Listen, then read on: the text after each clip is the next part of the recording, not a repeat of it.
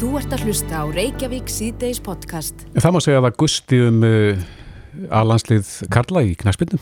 Svo sannarlega. Það er hver fréttin, akkurat, það er hver fréttin á, á fætur annari í íþróttafréttunum á, á til dæmis eins og einn á vísi.is þar sem að, já það er svona mikið verið að tala um, um, um sko gengi landsliðsins Mhm. og einnig svona aðrir ángar af, af eh, landsliðsmálunum. Já, það er náttúrulega þetta mál með Viðar Örn, Kjartansson. Mm -hmm. Um, ykkur svona mönnum er ekki saman alveg þar, hvernig það allt saman atvikaðist. En, uh, og svo er uh, svona pínu þögn í kringum fórustu KSI uh, þegar að þetta moldveri gengur yfir. En við náðum í varaformann, annan tveggja varaformanna KSI, Gísli Gíslason, kom til sæl. Sæl og blessuð. Já, svona þínar hugleðingar á þessum tímum, það virðist svona einhvern veginn vera sem að landslið okkar sé á okkur tímamótum þessa dagana. Já, já, vissulega, það held ég að sjá allir. Uh, en uh, það er nú svona, jú, það blæsa mótu núna, en uh, þá er nú einmitt eins og landslýsjálfarinn að Narnar hefur verið að nefna að þá þurfum við að standa saman. Og um, við erum náttúrulega með það lítið bakland á Íslandi að það, á árangurinn síðustu tíu ár hefur verið alveg frábær og við höfum auðvitað viljað byggja þannig undir að það sé hægt að viðhalda þessum árangri. En við verðum auðvitað líka þóla, niðursveifluna en ég er samfærður um að við skilum okkur tilbaka vegna þess að, að við erum með ógrinni af uh, ungum drengjum sem er að koma öflugur upp. Svo skulum við ekki gleyma heldur kvennalandsliðinu sem er að fara í úslita keppni EM. Þannig að það eru, það eru víða bara fínir punktar sem við erum að geta byggt á og ekki væri nú verra ef að stjórnvöld myndi nú standa með okkur því að endur nýja lögadalsvöllin því að við erum komin á, á rauðari línur þar og um, uh, til þess að allt gangi upp að þá þurfum við öll að róa í svömmu átt. Já, en gísti, það hefur gustað svolítið um uh, þjálfaran svona í þessari orðarhýð og sumi vilja stjalla skuldin á, á þjálfaran að það hefur gengið svo nýtlega í þessum tveimur síðustu leikjum. Nýtur þjálfara teimið fullst trösts stjórnarinnar? Já, já, alveg fyllilega. Er, þeir eru búin að uh, taka núna við, hafa haft stuttan tíma til að undirbúa liðið. Það eru auðvitað uh, alls konar vesen í kringum þetta COVID en þá má ég skell ekki allir í skuldin á það en það eru auðvitað líka þessi uh, svona þessi tímamót sem eru í liðinu. Það er að koma nýju leikmennin og það þarf að spila þetta til. Ég var með, ég hef verið í U21 nefndinni og þar hafa þeir verið sínt alveg frábæran árangur Arnar og Eður mm -hmm. og, og hafa mínu viti margt að færa inn í þetta núna sem að á að verða okkur til uh, góða inn í langa framtíð. Já, en gísli megin upp í staðan í gamla bandin eins og það er nú verið kallað sem að Já. náttúrulega gerði okkur svona stolt bæðið á EM HM Eh, komið mitt svona nánast fullskapað upp úr undir 21 ás landsliðinu. Mm. eh, er komið að eitthvað tímamótum þar? Þar að eru, er efni viður þar eitthvað á, svona álíka band sem er að koma upp? Menn sem að þetta er hvern annan eins og lóan á sér? Ég held að það sé nút aldrei öðruvísi núna. En eh, til dæmis 21 ásliði sem að er núna út í Ungverjalandi að það Það er kannski segja að það er engar stærstu stjórnur en, en mjög góði leikmenn og gríðarlega öflugliðsheld og um, við eigum nú töluvert eftir í mjög öflugum leikmennum en þá sem er í, í allansleginu sem maður nefnir nú eins og Gilva og Birki og Jóhann Berg, svona Alfred Finnbóa. Mm -hmm. Þannig að ég held að við séum bara að stefna inn í næstu lótu með lið sem að er með mjög öfluga eldri leikmenn og unga leikmenn sem eru tilbúinir í slægin. Það bárust þrettir af því að, að fjórir leikmenn úr 21 ás landsliðinu muni já, keppa með A-landsliðinu á morgun gegn Lichtenstein. Erstu bjart síðan á að sá leikur gangi betur en, en leikurinn gegn Armenum í fyrradag? Sko, Lichtenstein hefur verið að ná úrslitum núna undanfarið og, og eins og hefur verið líka nefnt að það eru mörg lið í Evrópu og þar með talið frá, lið frá litlum löndum eins og Lichtenstein og, og Malta og fleiri. Og þannig að við þurfum að, að spýti lóana, við þurfum að, að svona auka ákveð okkar og, og það er, engin, engin fótbóltelegur þar sem að er eitthvað gefið fyrirfram að við vinnum, eh, við þurfum að hafa fyrir öllu eins og við höfum alltaf þurft í öllu, það er alveg sama hvað það er og ef að eh, vinnu sem er til staðar og baráttana þá ég held að við hefum bara að vera bjart sín og við höfum að fara vera daldið keik og, björt þó ítla gangi. Mm -hmm. En þeir sérfræðingar sem hefur verið rætt við svona um íslenska landslið og gengi þessa undarförnu eru samálum það að að þróunin hefur ekki verið svona eins og hjá öðrum liðum. Hvað, hvað finnst þér vanta upp á þar? Hva, hvar getur við bætt okkur? Já, ég, ég held að uh, sko við erum náttúrulega auðvitað bætt okkur í því að uh, margir á okkar bestu leikmennum og, og ungi leikmenn sem eru vonar penningar í þessu að þeir eru auðvitað allir að spila meirum minna erlendist þeir eh, fá þar gott allæti og, og góða þjálfun en við þurfum auðvitað að bæta ákveðna hluti hérna á heimarslóðinu og þess vegna var nú ráðinn sérstakur svona knastbyrnu uh, stjóri fyrir KSI til þess að styrkja afreikstarfið. Afreikstarfið á Íslandi hefur alltaf verið dáltið hérna svona feimnismál. Jú, menn vilja styðja við íþróttir en en þegar það kemur afreiksmálum að þá uh, fara mendaldi í fellur og við þurfum að stíga miklu skarpar fram þar í að móta afreiksstefnu hjá félagunum til þess að geta viðhaldi góðum árangri og halda í við þjóðir sem eru annars vegar núna að sækja á okkur og er að daldi að fara fram úr okkur. Mm -hmm. Það hefur líka verið bent á það að margir úr íslenska landsliðinu er ekki að spila í nógu sterkum deildum og með nógu sterkum liðum.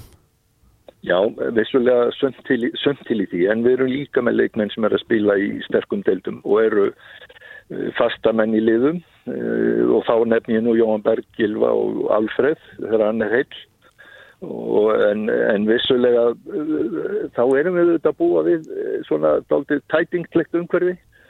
Og þess vegna eigum við að sækja fram með liðfildina og við þurfum hérna á heimaslóðinni að, að styrkja þetta afreikstarf og við þurfum alminlega aðstöðu til þess að geta tekið þátt í alþjóðlegum keppnum. Já, og svo hefur líka verið bent á það gísli að við hefum ekki notið krafta eins af okkar bestu eh, eins og Viðar Kjartansson. Já, já, sko það er hópurinn sem að kemur til greina í hverju sinni er náttúrulega gríðarlega stór og uh, það er nú eins og af því að ég er nú bara í stjórninu sko, ég vel ekki liðið en það er alltaf þjálfarinn sem velur liðið, hann stendur og fellur með liðsvalinu og og það er allir þjálfarar á endanum dæmdir af árangrunum þannig að það á við um þessa þjálfara sem eru núna eins og þá sem hafa undan verið þannig að við skulum sjá til. En við þurfum að standa saman í því að, að ná góðum úrslitum. Þannig að við getum áfram verið stolt og glöð. Já, Gísli Gíslason annar varaformanna KSI, takk fyrir þetta. Takk sem við leiðis Þú ert að hlusta á Reykjavík C-Days podcast. Reykjavík C-Days heldur áfram. Það var ríkistjórnarfundur í dag og þar var meðal annars rætt um uh, farsóttarhús. Já. En uh, núna, 1. april, tekur ný reglugjæð gildi og uh, þegar hún hefur tekið gildi þá mun fólk vera rukkað um 10.000 krónur fyrir, fyrir gistingu í farsóttarhúsi. Mm -hmm. Og þetta á við um þá sem koma frá þessum uh, rauðulöndum, Já. sem sagt samkvæmt þessu litakóðakerfi. Mhm. Mm En við heyrum allavega því að, að það sé talsverður fjöldi fólks á leiðinni til landsins um páskana eins, eins og við höfum líka heyrt þá eru við á leiðinni uh, að margir Íslandingar. Í sólina? Í sólina. En einhver er ætla eflust að koma hingað og, og skoða eldgós eða allt hitt sem að Ísland hefur upp á að bjóða. Já, en varnalínan er einhvern veginn í leifstöð, virðist vera, mm -hmm. það sem að flest eru nú saman um það að, að við getum haldið svona nokkur veiru fríu samfélagi en en svo kemur þessu ógnað utan svolítið og uh, það eru þeir sem er ekki að virða sótkvína sem að, sem að hérna, hleypa veiruna stað og þá erum enn að reyna að bregðast við því með, meðalans með uh, farsóttarhúsi. Akkurat. En það er spurning hvernig gengur að undirbúa þessa, þessa breyttu reglur en á línunni hjá okkur er Artgrímur Guðmundsson, hann er aðstofar yfirlaurglu þjótt hjá flugstöðadeild laurglunar á Suðunisjum, kom til sæl. Já, sælverið. Hvernig gengur ykkur að undirbúa já, ykkar starfslið fyrir, fyrir e, þessa breyttu reglur? Já, við, það gengur bara ágætlega. Það, þetta var svo sem að þetta í hús núna eftir hátegi til okkar. Þannig að það eru bara allar hendur og lofti hér að undirbúa breyttar reglur hérna á flugvellinum og, og, og framkvæmt þeirra. Mm -hmm. Mönir þetta tefja sagt, ferlið þegar að fólk kemur og fer í gegnum stöðina? Já, það mun alltaf einhver leiti gera það þar sem að raumilega er verið að bóða alla sem komið til landsins í sínatöku. Þá sjálfur sér hægir stað eins og því vegna þess að núna áður fyrir þessara breytingar þá raumilega voru ákveðin aðeins að degnir sínatökunni og hérna það, það flýtti fyrir en nú er allir að fara í sínatöku. Já. Eitt sem er svona dættur í huga að spyrjaði vegna þess að við fengum símtal hér í símatíma hjá okkur í gær þar sem var maður sem að fullirti að hann þekkti tvo einstaklingar sem hefðu valsaði gegnum leifstöð án þess að, að já, tala við neittna, það hefði engin verið í raun og veru í, í neins konar eftirliti. Getur það verið að það standi skoðun?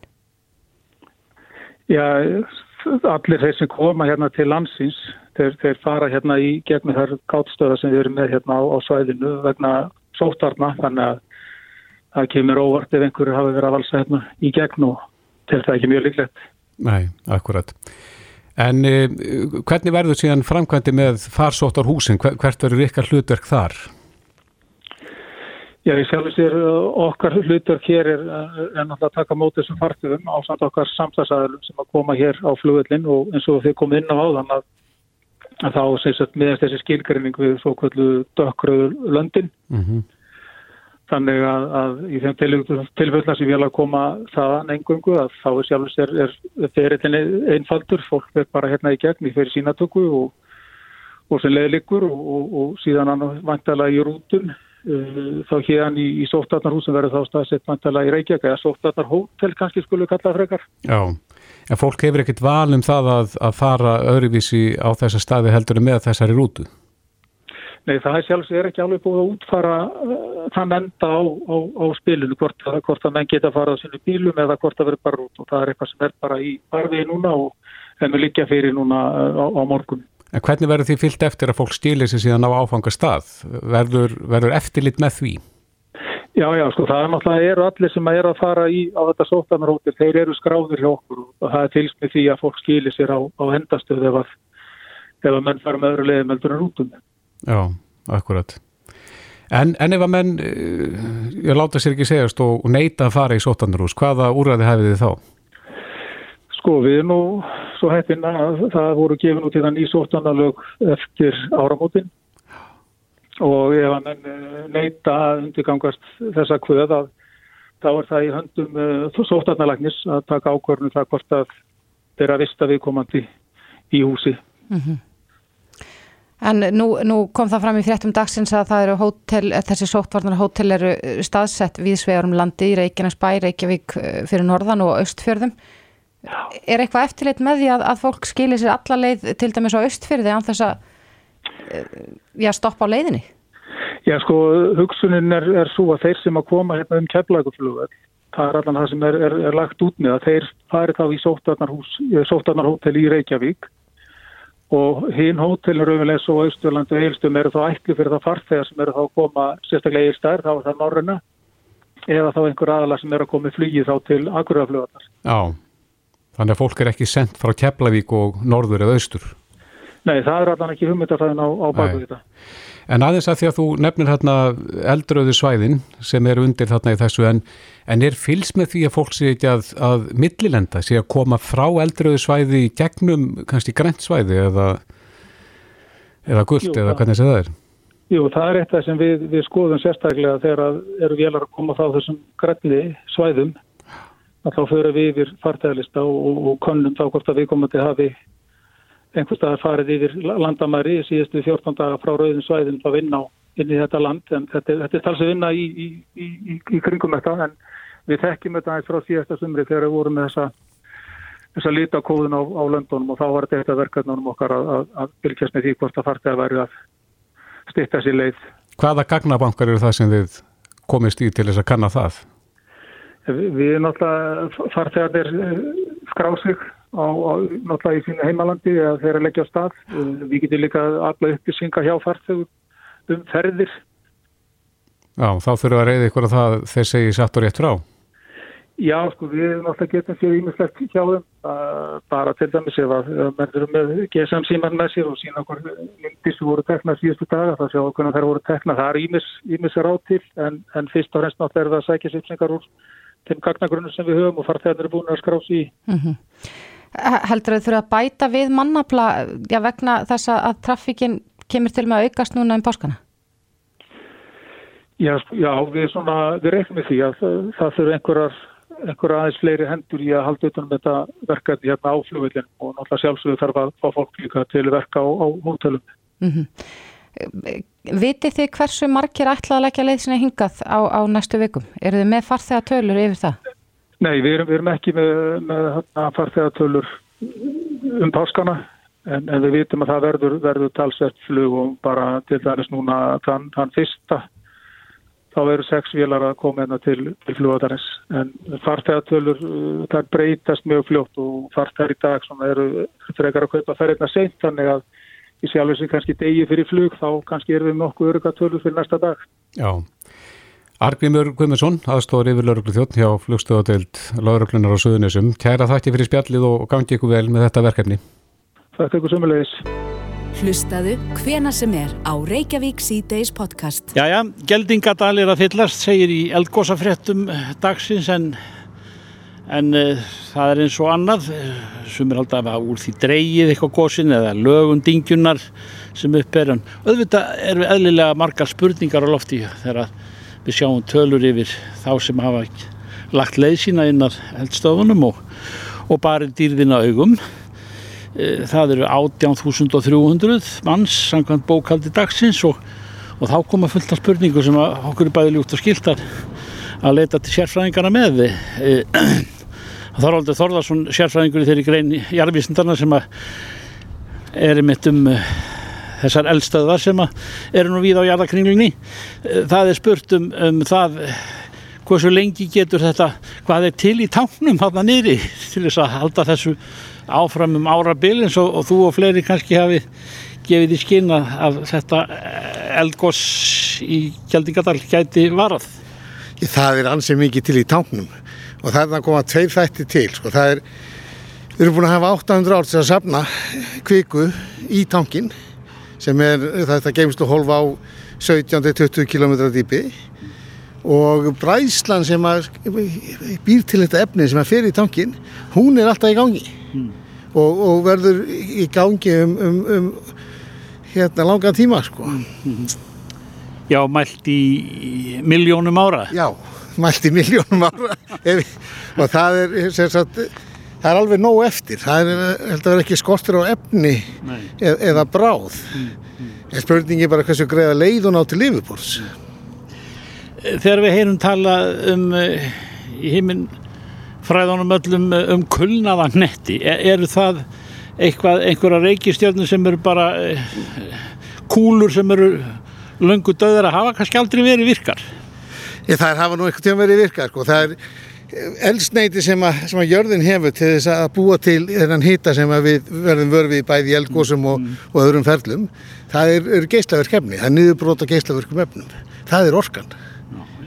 Og meðan við höfum geislaverk efni mm. þá getur við haldið hittaframleyslunni mm. og þá verður, er innri hluti jarðarinn heitur og yðra byrði kallt og þegar að heita efni rýs upp til yfirbósa þó það sé á förstu formu hérna niðri að þá þegar kemur næri yfirbóri þá bránar það en þess að þetta sé þrýstingurinn mingar mm. þá hérna breytist bræslumarkið mm. og það kemur fyrir að þessi, þetta rýs það rætt upp að, að það næra sem sagt að að komast í umhverf þar sem að, að, að, að þetta efni getur brána við kallum mm. þetta möttulinn mm. það er sérst möttulinn sem er utanum innri kjarnajarðarinnar. Og innri kjarnajarðarinnar hann er aðalega játn og, og, og nikkel mm. og það á segursvið okkar sem passa nú upp á okkur veir okkur fyrir geimgeislun oh. á uppbruna sem þar mm. niðri sko. En við getum ekki orðið fyrir eh, skað, skadvænlegri geislavirkni á eldstöðunum sjálfum með því að standa í tækja metra fjalla frá gígnum? Nei, það held ég nú ekki. Það er nú ekki það mikið geislaverkuöfnum í þessu sem kemur upp. Nei. Er, það er miklu líklega að menn annarkort brenni sig á mm. glóðhýttur hrauninu eða þá að þeir fái hérna verði varið við einhverja ónótalega guð sem getur verið að þælast þarna fyrir þeim. Einmitt.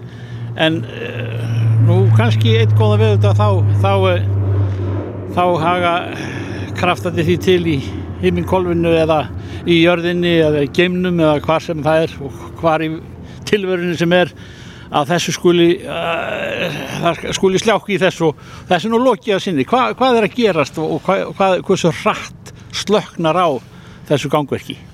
Held að gangarkynni, jörðinni.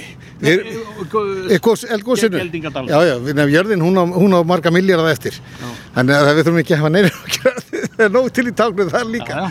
En sko, hérna í geldingadölunum og það er Það er doldið erfitt að spá fyrir það en það sem mér finnst líklegt er að þetta getur vara lengi einfallega vegna þess að, að það virðist eins og að það vopnast fyrir vendil mm -hmm. í þennan tank mm -hmm. er svaka, eh, tankurinn er ekkert á svakalega miklum yfirþrýstingi mm -hmm. en þú opnaður fyrir vendil og það lekur bara úr honum og meðan þessi, þessi pípa er opinn að þá flæðir úr honum og ég held að hún hafa opnað við plötundíkið það er ekki sem sagt eins og í mörgum öðrum góðsum eins og við ekki frá heklu og köllu að þá byggjast mikið yfirþrýstingur í geimslahólfinu og þá ertu komið það allt saman yfirþrýst eins og, eins og vel útblásin bladra. Og svo hérna enda með því náttúrulega að það komið svo mikið í og það þú rýfur gata á blöðurna eða þak þessara geimslahólfa og þá gís kvikan upp og miklu afli en þess að hún er á svo miklu þrýstingi. En þá voru þrýstifall og þá gósið svona dvínar jamt og þett með tíma Já. og endar þá stoppar það. Í þess tilfelli þá var ekki svoleiðis. Það kom upp á með hérna, þessa framlegin sem það er með í dag. Það er búið að vera nákvæmlega eins. Þetta er svona eins og einhver stakk títipljónsgat á blöðruna Já. og það legur bara smátt og smátt úr henni. En það legur stöðust úr henni. Einmitt, títipljónsteórian hún er mjög góð fyrir alltíðmannin að skilja þetta. Nú, nú fyllir skeldingadalun eða þessi kvós ef að þetta gengur nú eftir, þetta varir í nokkur ár skulum við gefa okkur, getur við reknað út uh, hvar, hvar uh, kvikan kvikur enslið tekur á rást til sjáar er, er þetta að rekna það út? Við getum, við, sko, jú, jú, við getum svona rekna yfirleitt en, en fórsendunar eru vittlusar fyrir rekningunum þannig að það eru rekningar vittlusar á fórsendunar en hérna sko það eru tveir staði líklegir að kvikan þar út. Það er sem sagt eru, það er þröskuldur austamein mm. og hann hérna er í svona 208 metra hæð. Já og svo er þröskuldur líka sunnamegin en uh, það fer eftir hvaða hæðalíkan þú eh, lítur á hvaða hæð þú fær fyrir þann þröskuld annarkort færði 208 metra sem er sama á einu megin ah. eða þú fær 228 metra. Þannig að, að, að meðan allir tækninni. Þá eru hæðalíkanum okkur ekki, ekki með þetta eins og er. En það er eftir að koma í ljós hvort það er. Og uh, segjum sem svo að báði þröskaldin sé jafn háir. Þá er það náttúrulega bara að ferða eftir hérna hvernig hraunin er að haga sér á þeim tíma sem það nær þessara hæð sem eru jáfnveikildið þróskóttunum sem sagt hvert það fer, hvort það fer söður eða, eða, eða austur. Og uh, ef það er, ef það fer söður þá er styrtir leið til til sjáar og þá er líka því miður gæti á endanum ísólskáli til dæmis orðið fyrir barðun á raunni en ef það fer í austur yfir í Meradali og, og síðan niður í, í hérna Sigdalina þar austur af að þá er bæði miklu lengri tími þá til að næða söðustrandaveginum og sjó. Og uh, það þurfti ennþá meira að koma til eða þetta ná í, ná í Ísóskólan sko. e, Má ég gera ráð fyrir því að ferða þjónustubransin hann, hann hressist þegar þú segir svona að fara að segja að þetta verður langvarandi og, og, og hann verður eh, til friðs. Hraunströmmurinn á allum líkum lettur í sami hvað átt strömmurinn rennur eða kvikan. Ég ætla bara rétt að vona það því að þetta, þetta verður ég vona að þetta verður bara góð upp hérna listustöðing fyrir, fyrir samfélagið og, og landið í hild Já, já. Uh, Veistu til þess að kennarinnir hérna úr, úr jarðalandfræðir skorinni séu að allir fara hérna með kjænslustundir Já, ef það heldur áfram þá gerir það alveg örgla það er sko ekki nokkuð spurning. Já. og það er hérna þegar, þegar ég var í e, þegar ég bjóð á Hawaii þá var svona langið góðst þar og við fórum reglulega með nefnendur í ferðir út, út af hraunni til þess að ummitt að kenna þeim hvernig hraun flæða og, og, og skilja alla þessar hluti sem að tengjast eh, flæði og myndur hrauna. Og ef við fáum svona langveit góðs hérna á, á hérna Reykjaneskaðan þá er þetta orðið alveg kjörið staðu fyrir, fyrir góðar kennslustundir. Já, það fjölgar aðtunni greinunum sem, sem að njóta þessa en þú nefnir hafa í það sem þú ógst mannin e, það, það eru e, dingju góðs þar en, en, en ekki sagt og svipar kannski margt til í Geldingadals eða Fagradals gósis eða hvað menn kalla þetta en er það sígós eða er búið að gjósa að hafa í maldir? Það er búið að gjósa mjög lengi og, og, og, og næst segja að Kilauea sé búin að vera í sígósi núna í í næstu þrjára aldi. Það er stutt á milli gósa og núna síðustu áratvíina eða eiginlega frá 83 Já. Er það eiginlega búið næstuði samfellt í, í, í gósi. Það reynda var samfellt gós frá 1983 til, til, til 2018 og hérna það var einmitt eins og hérna gósið í Gjaldingadölum svona með litla framleginni á bylunum 5-10 hérna, rúmmetrar á sekundu og uh, það stóð í 35 ár.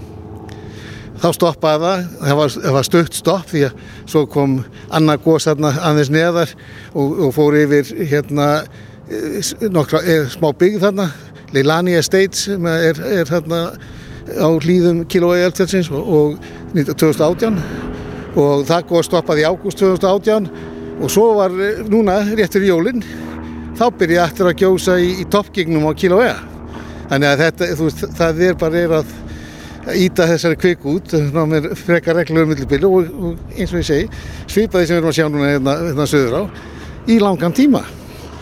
Þorvaldur Þorðarsson, eldfjörða sérsvæðingur Kærar þakkir, ég, ég á eflust eftir að koma aftur tíðin og innaði eftir, eftir spurningum sem að almúinn sem er þarna í, í daglegi kjenslustundum og, og, og sér dýrðina og ber þetta augum og það, það, það er nóga spurningum og verður alveg nóga tankni á mér hvað það var þar Já, já, það gefur ekki bara að fara í kennslustund að hefur tækifæri?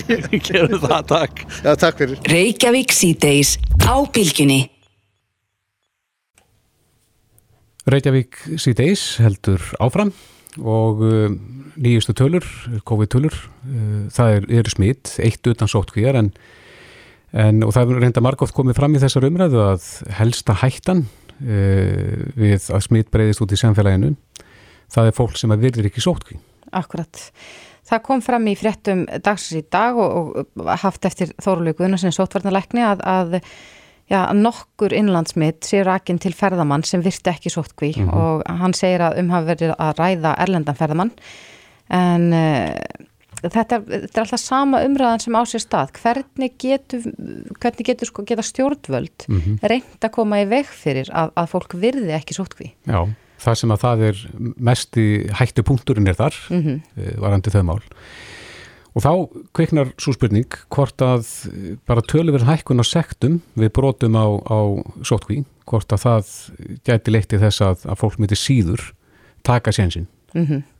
Á linnu hjá okkur er Helgi Gunnlusson, hann er professor, professor í félags- og afbrótafræði við Háskóla Íslands, kom til sæl.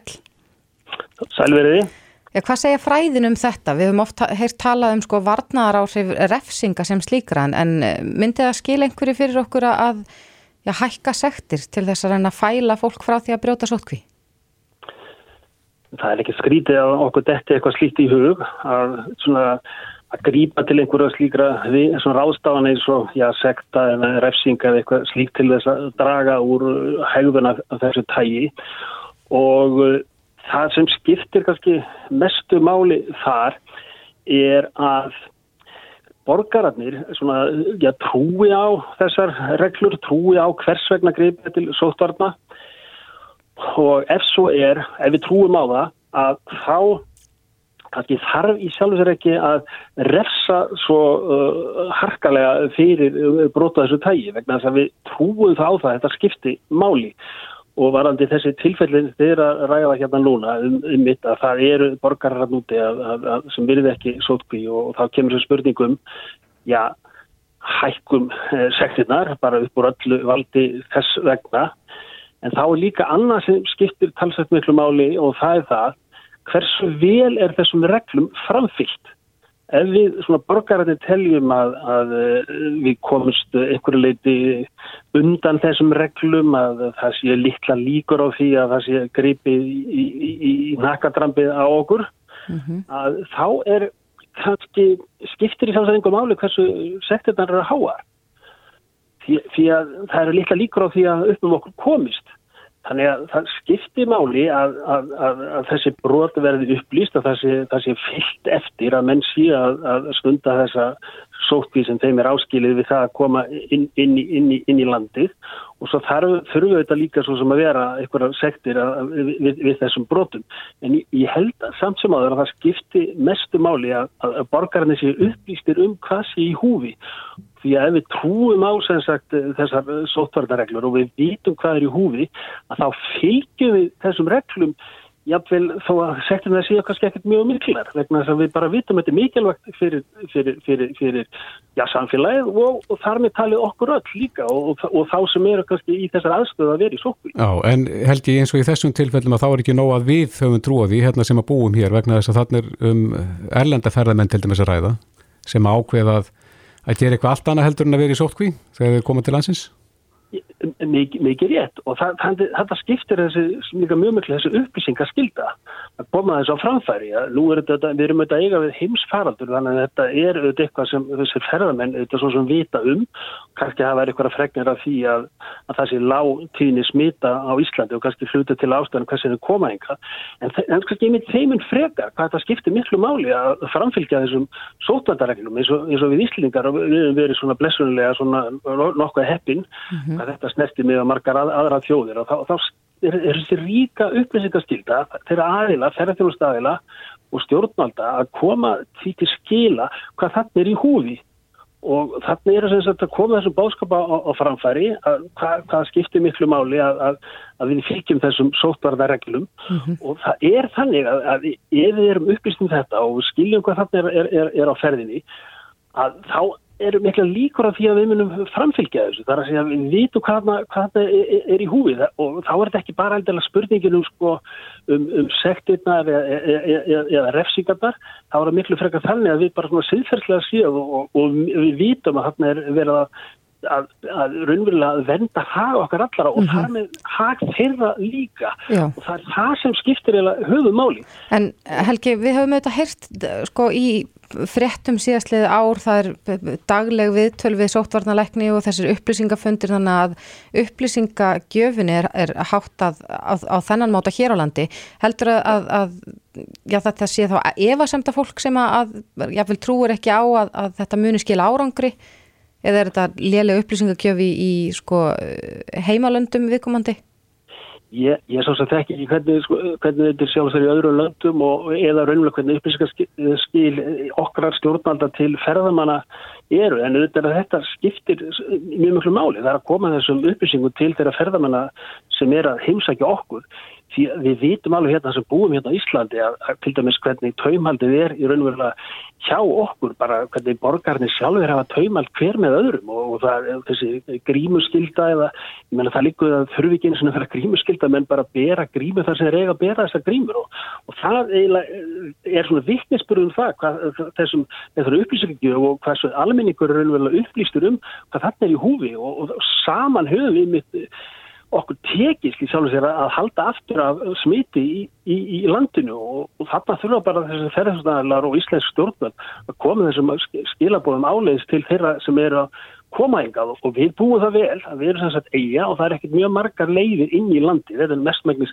flug og, og þetta er 1-2-300 mannsera sem eru að koma inn hérna á hverjum degi, þannig við ættum að geta komið þessum bóðskap vel á, á framfæri og, og, og takast raunverulega að, að, að, að halda aftur af þessum smitum og, og þessari hættu sem kemur af, af túristum. Því að sko, þessi spurning alltaf um refsingarnar að vera komið fyrir að látum bara borgas miljón krónir í sekt fyrir að bróta þetta eitthvað slík sko að ef menn trú ekki á þessar reglur og menn telja sér komast upp með að brjóta þær að þá skipta þessar sektakreistur þetta mjög, mjög litlu máli. Já, það er hægt að... Það er að fá borgarna með okkur í lið, sko. En Helgi, það, ef að menn ætla að herða refsingar eða hækka sektir, að þá þarf að fylgja eftir með aðgerðum. Það þarf að fylgja þessu eftir og, og sína það að, að fólk sé sektað ef það brítur þá lögin. Algjörlega því að ef þið myndu fara að hækka sektirnar og, og, og, og framfylgja þessu ekki með því til dæmis með eftirliti eða einhverju slíku að þá kannski myndu sumir kannski bara jæfnvel með það sem svo að já það skiptir bara einhver mál og þetta sé miljónkall hérna sekt fyrir þetta brot þess að þeir myndu aldrei fylgja þess eftir hjá, hjá mér í sókví, nú er þetta í fimm dag og ég er bara nokkur nöðil bara laus og, mm -hmm. og gera það sem er sínist og þá skipta þessar háu sektagrefli sem þið erum með þetta vekja mál og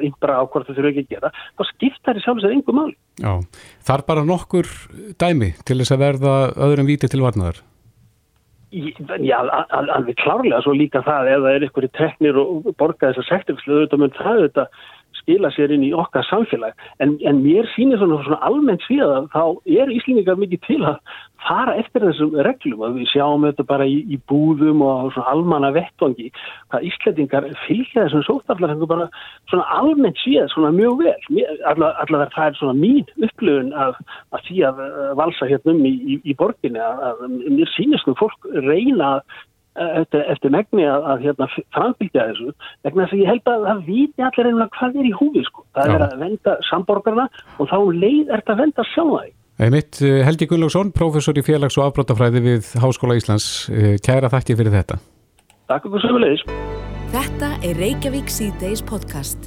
Jæja, Reykjavík C-Days. Það er nú mikið rætt um uh, COVID og COVID-tengt mál náttúrulega eins og gósið en, en en nýjustu tölur voru ekki tíu sem að greindu steitnu utan sótkvíjar mm -hmm. Og það er hægt að rekja einhver einanlandsmið til uh, þeirra sem ekki hafa virt sótkví Já, akkurat En uh, talandu um það að það sem ekki rætt og rítað um uh, þessi mál þá rákustu við á frétt inni á heimasíðu Guðrunu Bergmann sem hefur nú verið og í huga margra Hilsu Gúru mm -hmm. En það er grein sem að ber yfir hérna skriftina. 31 ástæði fyrir því að ég lætt ekki spröta mig. Akkurat, hún er að í raun og veru byrta eh, þessar 31 ástæði frá Rabbina í Ísrael. En uh, við vitum auðvitað hvernig staðan er í Ísrael, það er búið að bólusetja þorra þjóðarinnar. En, en mhm. auðvitað er einhverjur á móti og það, staðan er eins hér á landi, samkvæmt sko, skoðanakönnum þá eru margir smekir og, og já, allavega þarna sjáum við 31 ástæði sem að hún byrtir. Já. Og ef við grípum bara eins niður í uh, þessar ástæður og þá bara ef við byrjum hér að, að þá segur hún að þetta sé ekki bóluefni mm -hmm. og þetta sé í rauninni liv og þeir sem að láta bólusetja sig að þeir eru í rauninni að gangast undir livja meðferð. Akkurat. Á línunni hjá okkur er Björn Rúnar Lúðvíksson. Hann er professor í ónæmisfræði og yfirleiknir ónæmislækninga á landsbytalanum. Kom til sæl Björn. Já, góðan daginn. Hvað segir um bara þessa fyrstu fullinningu hér að þetta sé ekki bóluefni raun, það sé búið að breyta skilgrinningun, þetta sé líf?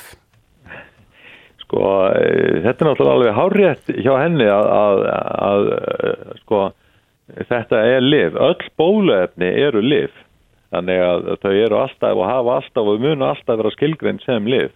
Mm -hmm. Þannig að það er engin breyting þar á, þannig að, að og það er engin eðlisbreyting á þessu bólefni með að við önnur bólefni sem við verðum að nota. Þetta er bara önnur tegund, það eru marga tegundur til að bólefnum og, og, og, og flest er að eru í notkunni í heiminum í dag. Þannig að, þannig að það er rétt, þetta er liv, öll bólefni eru liv og þannig að það er ekkit frábröð og ég, ég átta mikið alveg á Hún notar hugtæki sko livja meðferð en ekki bóluefni og segist ekki af áhuga á, á livja meðferð við veikindum sem hún þjáist ekki af.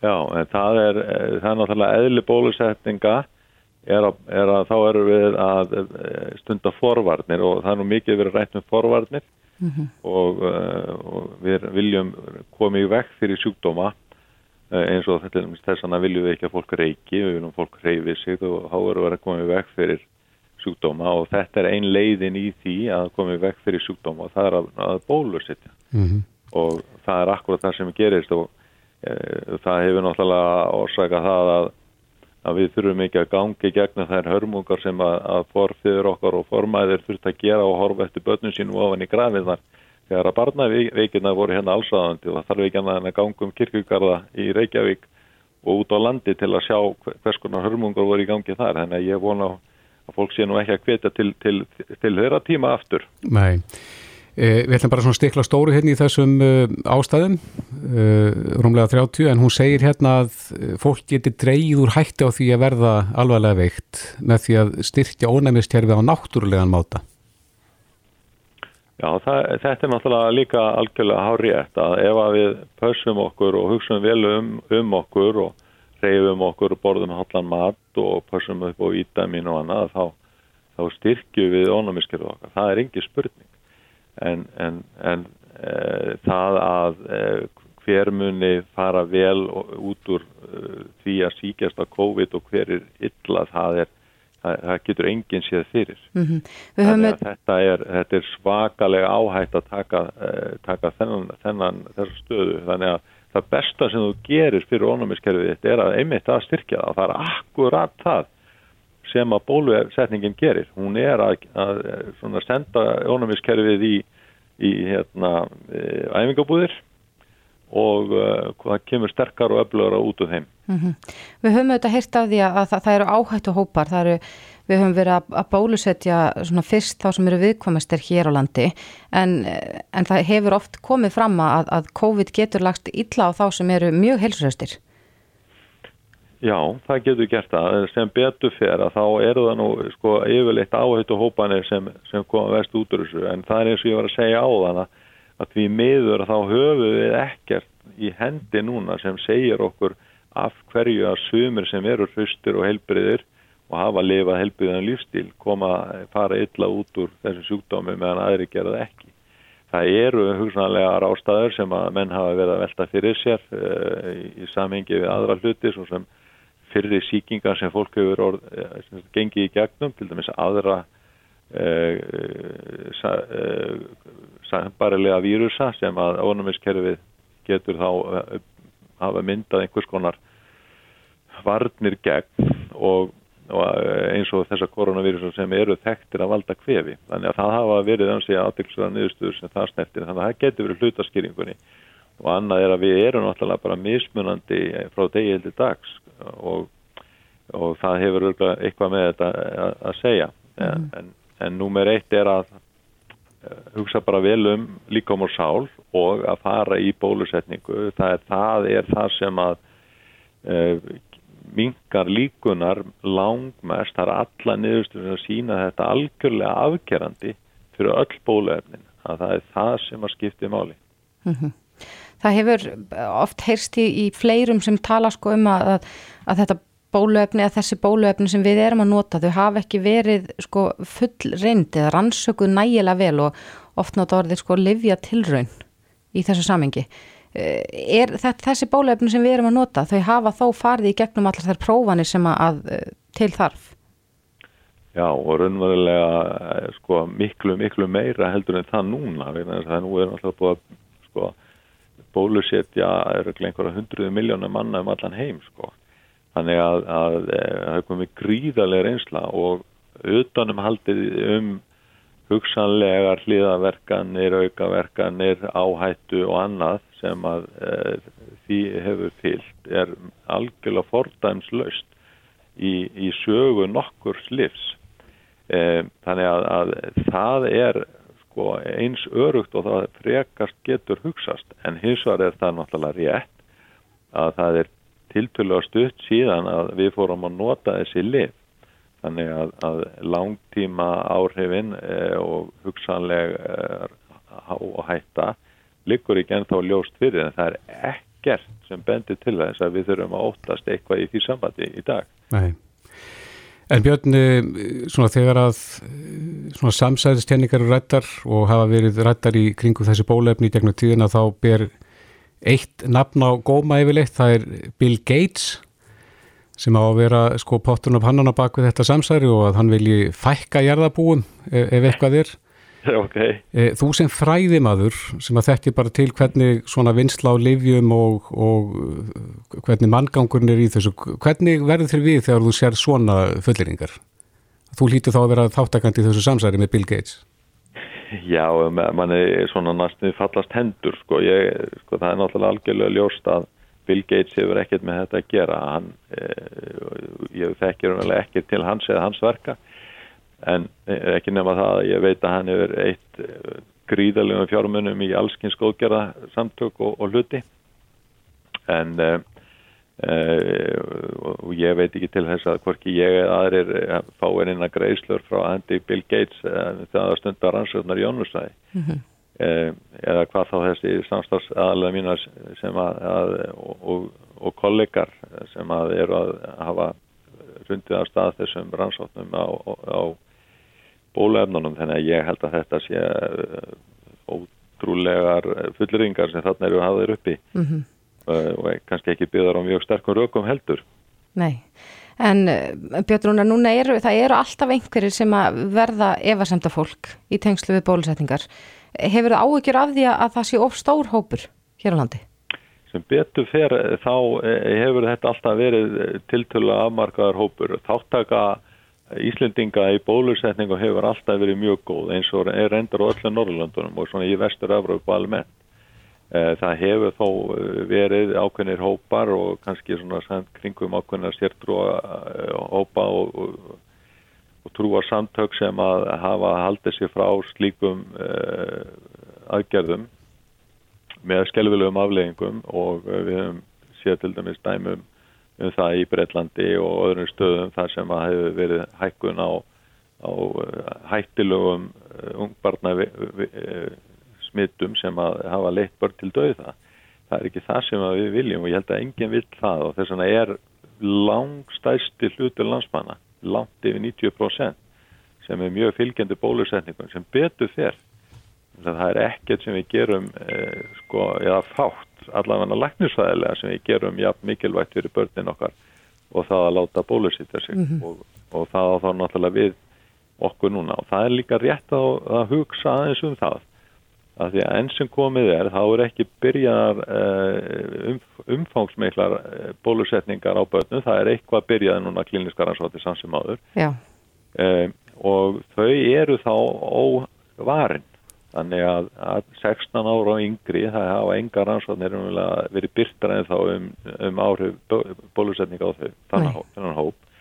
Það er heldur ekkit en þá kom það að byrta niðurstöður um til dæmis eh, barnsamandi konur og ég veit og okkur öll sko þykir mjög, er mjög umhugað um þessa tvo hópa. Mm -hmm. Viljum hag þennan sem allra, allra best og öryggið þeirra sem mest og það er fátt sem að við getum gert sem eru þá heilbrið er að láta bólusittja okkur verðin þess að með því að þá eru við að minga líkunar á því að þessi börn muni smittast. En þess að við mingum þá leiðina fyrir þennan vírus að, að koma sér fyrir í samfélaginu. Og það er líka, það sem við gerum líka með því er það að með því að láta bólusittja sig og með því að fekka smittleðanum og minga magniða vírusnum í umferð og þá mingum við möguleikana á honum að geta umbreytt sér. Akkurat og, og það er ekki síðu mikilvægt en að, að, að þá kannski getur við komið í veg fyrir það að hann getur umbreytist sér jafnvel í eitthvað ennverra form og eða þá að hann umbreytist sér þannig að bólefnin hætti að virka og við þurfum að láta endurgóla sitt hjá. Þannig að það er svo margt sem mæli með því að við látum bólu sitt hjá okkur mm -hmm. og ef okkur er umhagðum um börnin og ef okkur umhagðum um barsafandi konunar og hel, okkar eigin helsu og geta farið að stunda aftur eðlilegt líf þá látum við bólu sitt hjá okkur. Þetta er bólefni þau eru pistalegi mjög örug og öðru lagi sem er ekki síðum mikilvægt er að þau eru að virka. Þau eru að koma í veg fyrir hættulega sjúkdóma og smitt mm -hmm. Björn Rúnar Lúðvíksson professor í ónæmisvæð og yfirleiknir ónæmisleikning á landsbytjalanum, kæra þakki fyrir þetta. Minnstu þakki minnst, minnstamálið og takk fyrir sömulegis Reykjavík síðdeis á Bilginni podcast. Páskatinn álgast og uh, við leiðum hugan sem snöggast að kirkjunni eða öllu heldur uh, starfi þjóna kirkjunar Davíður Jónsson er, er, er prestur í löðunarskirkju og uh, já, maður er svolítið rugglaður í rýminu og ég gerir ráð fyrir því að það sé svona bara endur speiklun á því sem að, að þér mætir þegar að kemur að því að fermingum og öðru í, í, um páska sem að ekki eru langt undan það fer fram svona frekar hljóðlega er, er, er minna um fermingar en alla? Já, já, það er, er minna um þær á þessum tíma núna heldur en áður ef undan er skilið árið í fyrra því við verum að ganga í gegnum endur tekið efni og það fór nú þannig að fermingaböndin í fyrra gáttu við ekki fermt fyrir núna í haust og þá örðu við með þess að grípa til þess ráðs að, að hérna við sem kvöllum hérna við raðfermdum börnin þar að segja við vorum fermdum ekki um að tvö fermingabörn í einu mm.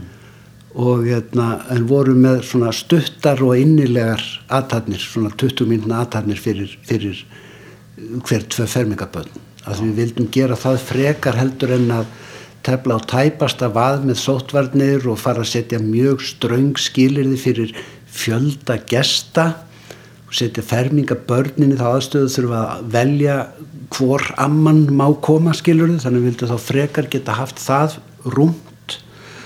Það var alveg ljóst að eitthvað urðu að skera niður þannig við skárum niður fjölda fermingabarna við hverja aðtöld frekar heldur en að reyna að skera niður fjölda gesta sem hvert fermingabarn mætti taka með sér. Mm.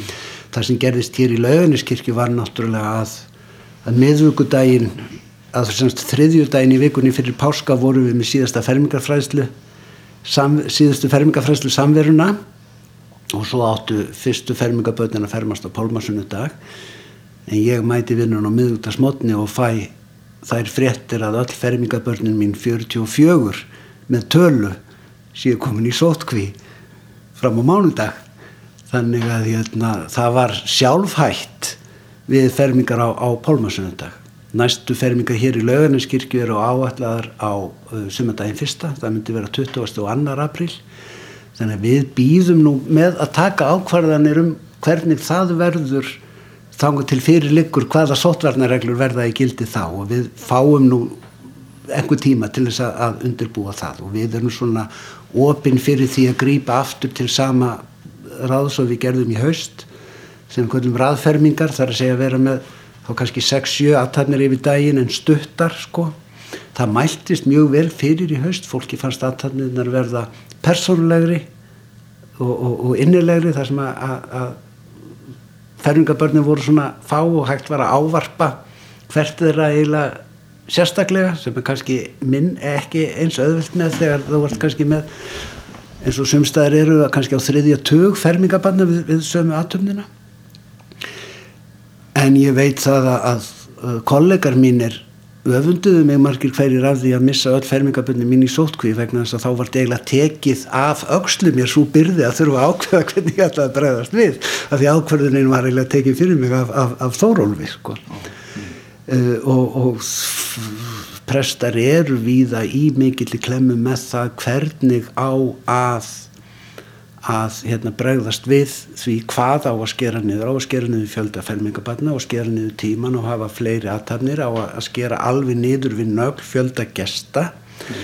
og ég er mjög ánaður með þá ákvörðun sem að, sem að, að biskup hefur tekið í þessu efni að veita kirkjónum fullt sjálfræði til að taka þá ákvörðun að koma ekki með valdbóðað ofan eitthvað svona svo í sletti one size fits all einhverja skipun vegna þess að bara að, að, að staðhættir hefðir venjur og bara sapnaðar menningin er ólík á hverjum stað og, og óvist að sama lausnin hendi allstaðar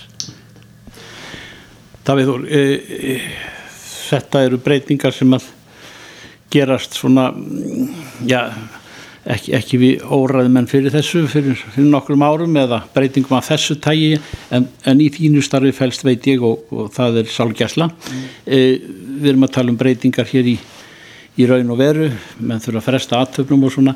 E, líðan fólks líðan sóknar barnana almennt e, hva, hva, hvernig finnst þér það? Finnst þér þetta að vera róra yfir eða eða eru er einhverju brestir eða á hverju tekur í þeim öfnum?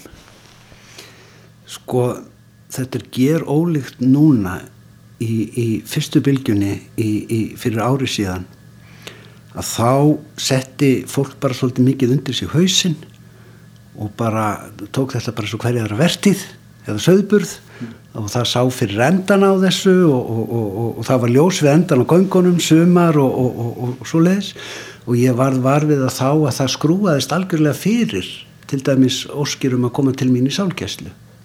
Síðan í haust og aftur núna er hins vegar þver öfugt upp á tennunum og ég finn þreföldun til fjórföldun á ásókn í sálgæslu hjá presti núna vegna þess að fólk er orðið þreytt og hinnum með við endan og göngunum allavega í haust var þannig var bara myrkur og skamdegi sko, ekki sól og sumar. Það er ekki komið það mikil reynsla á þessa fjóruðu bylgu núna til þess að ég geti alveg fullirt hvernig það horfir við en það er, er ég upplifi ekki mikið lát á eftirsókn í sálgæslu eh, en sko mín upplifin er svo að þar sem allt var í lægi fyrir þar verður allt í lægi áfram. En þar sem að fólk var á brúninni eða nálagt brúninni þar sem voru erfiðar heimilisaðstöður fyrir uh, af ymsum ástæðum hvort sem það er vegna, vegna uh, það geta verið geðrænir kvillarinn á heimilinu og svo framvegis að þar á fólk virkilega erfitt núna og ég tala nú ekki um sko fólk sem að er að missa ástvinni í þessu árferði og þarf að velja og hafna hverjir meiga koma í útför meiga ekki hafa erfidrykju en bæði útfarir og erfidrykkjur eru partur af sorgarferli fólks hafa sálgæslulegt gildi og það verið að neyta fólki af sótvarnar ástæðum sem, sem ég er ekki að gaggrýna en bara benda á að þetta er, er, er erfitt um þessa snöru þætti í sorgarferlinu að fá að vera með veglega útför fyrir ástin, ástvinsinn og, hérna, og, og, og erfitt er ekki það sem allir koma, allir koma saman. Þetta er tekið af fólki og það er erfitt fyrir fólk að, að, að ganga í gegnum það. Og þegar við bætist að hérna að hérna að það er nú ekki bara það deyja allir fyrir það síðar eins og, eins og eitt sagði að hérna dánartíðinni fólks er 100% það er nú bara þannig. Og það er ekki bara englar sem deyja. Það er líka fólk sem að deyr frá mjög erfiðum málum og, og, og óuppgerðum. Mm. og slíkar útfærir eru mjög geta verið mjög erfiðar og það þarf ákveð heilunarferðli að fara í gangi kringum slíka útför og þegar þannig horfir við í kringum útför á sótvarnartímum verður allt sko fjóru sinum þingra á erfiðara heldur en það væri í eðlilegu arferði Davíð Þór Jónsson prestur í Löðaneskirkju kæra þakki fyrir þetta. Reykjavík síðdeis á Bilginni podcast. Reykjavík síðdeis og Bilginni heldur áfram. Við munum eftir því hér, ég held að það hafi verið mægi fyrra þar sem að palla efni á Íslandi bara seldist upp Já, fólk þurft að finna sér eitthvað að gera Já, það seldust skipsfarmar af timbri í byggingavöruverslunum, þetta kemur fram í, í frétt frá því lók mæ á síðast ári, Einmitt. en við kannski gerðum okkur ekki grein fyrir því þá að, að við værum enni í sömu stöðu núna, Nei. tæpa ári síðar. Hvernig líður pallaefninu núna? Nákvæmlega, ætli, ætli við séum meira af því hér á landi eða, eða hvernig ætli staðan sé, en, en ég, við vitum það að Íslandikar eru framkvæmda glæðir og nú hafa páskaplön margra, já, komist í uppná. Já, við ætlum að stjalla okkur í byrjartalningu. Já, á línunni er Árni Stefánsson, forstjóri húsasmiðunar. Kom til sæl. Já, komiði blessuð. Hvernig er það? Eru er við, er við enna smíða palla í stórum stíl? Já, ég get staðfest að landin er, er enna smíða palla í gríð og erg og ég, ég sitt nú reyndar hérna núna inn á skrifstofu hjá mér og, og horfi út á plan og, og nýri í Kjallavói og við búum nú allavega það vel að ég horfi hérna nokkra tugi búnta pallaefni þannig að við erum allavega, við erum ekki ennþá orðin lens, allavega ekki hérna í, í vöruhúsinu. Hvenar byrjar þetta palla tímabil? Hvenar fer fólk svona á stjá?